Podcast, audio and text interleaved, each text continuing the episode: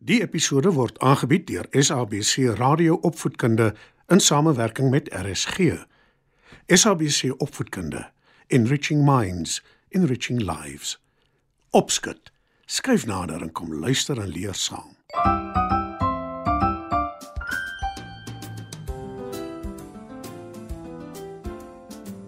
Goeienaand maats, welkom by Opskud. 'n Vanaand se storie vertel ek julle hoe 'n skilpad 'n nuwe huis kry. Skuif nader en luister saam.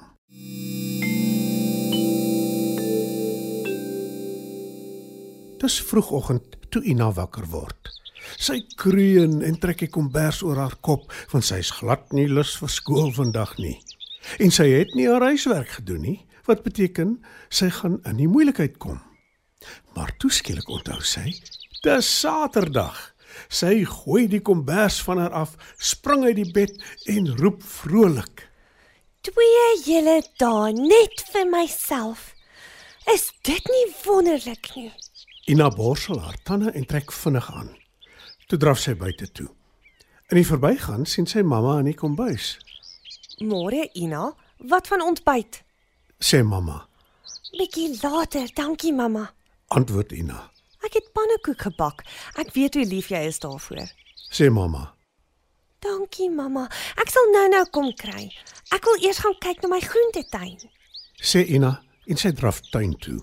Mamma glimlag. Ina het die vorige Saterdag sade geplant en sy wil al klaar hê die groente moet begin opkom. Ina het op die pakkies met sade gelees die meeste groente vat 2 weke om te begin opkom, maar sy hoop daar is tog iets. Sy het al haar gunsteling groente geplant: wortels, spinasie, skorsies, ertjies en radyse en slaai vir mamma. By haar groentetein aangekom, kyk sy nou keurig, maar sy sien niks nie. Sy sug en sê: Ek moet seker maar geduldig wees. Sy wil net omdraai en kombuis toe gaan om pannekoek te eet, toe sy 'n vreemde stem hoor. Help! Help! Iemand help my asseblief. Ina kyk rond en wonder wie dit kan wees, want sy sien niemand nie. Miskien het ek my verbeel. Sê sy en begin kombuis toe loop. Nou roep die stem meer dringend. Help my asseblief. Ek is hier langs die draad op die grond. Ina loop na die grensstraat toe wat tussen hulle en hulle bure gespan is.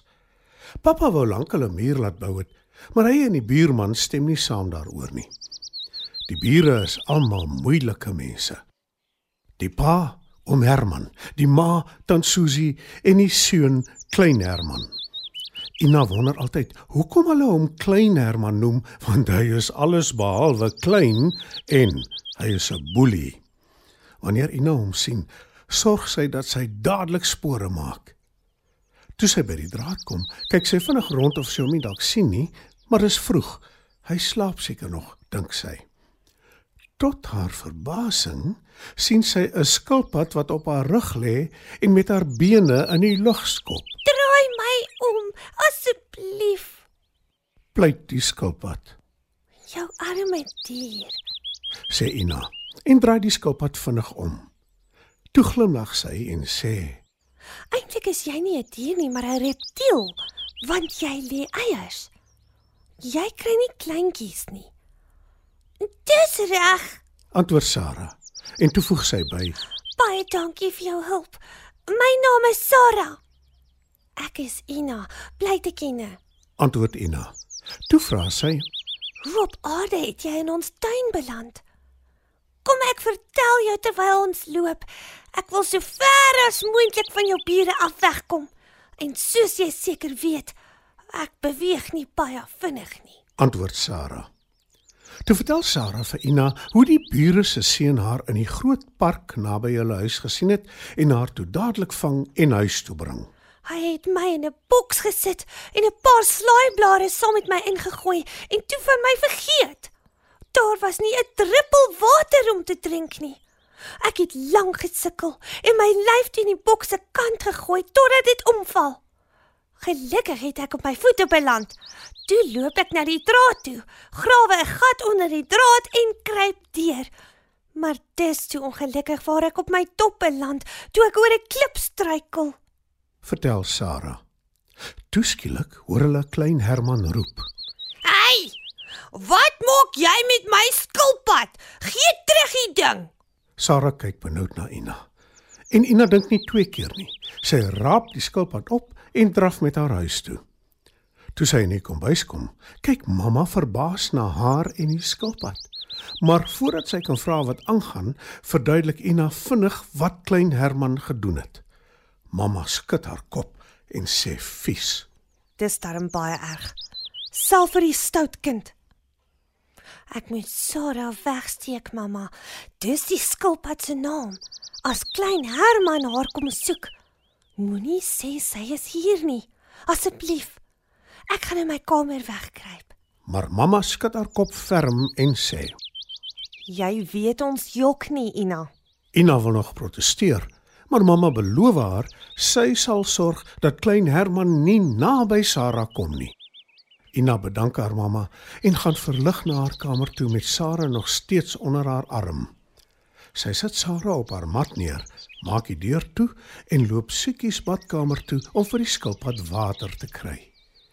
Toe wag sy en Sarah totdat klein Herman en sy pa uiteindelik terug gaan huis toe nadat hulle lank met mamma gestry het oor die skilpad. Mamma kom in Ina se kamer in en vertel vir haar en Sarah wat gebeur het. Ek het vir hulle gesê nie enige iemand kan na 'n skilpad omsien nie. Sê mamma, Maar ek kan, nee mamma. Ek sal mooi na Sarah kyk. sê Ina. Mamma skud haar kop en sê ferm. Nee, Ina. Sarah hoort in die oop veld waar sy vry kan rondloop. Wanneer pappa vanmiddag by die huis kom, vat ons haar na die natuurreservaat toe, net buite die dorp. Sy sal baie gelukkig wees daar. Sarah kry sommer trane in haar oë toe sy hoor wat mamma sê. Wat 'n geluk dat sy onder die draad kon deurkruip en dat Ina haar gekry het, dink sy. Toe lag mamma en sê: Pappa gaan baie bly wees want groot Herman het uiteindelik ingestem om die muur tussen ons te bou. Dankie Sarah dat jy onder deur die draad gekruip het. Ina en Sarah lag saam met mamma. En die middag vat hulle Sarah na die natuurreservaat toe waar sy lank en gelukkig bly en baie maats maak.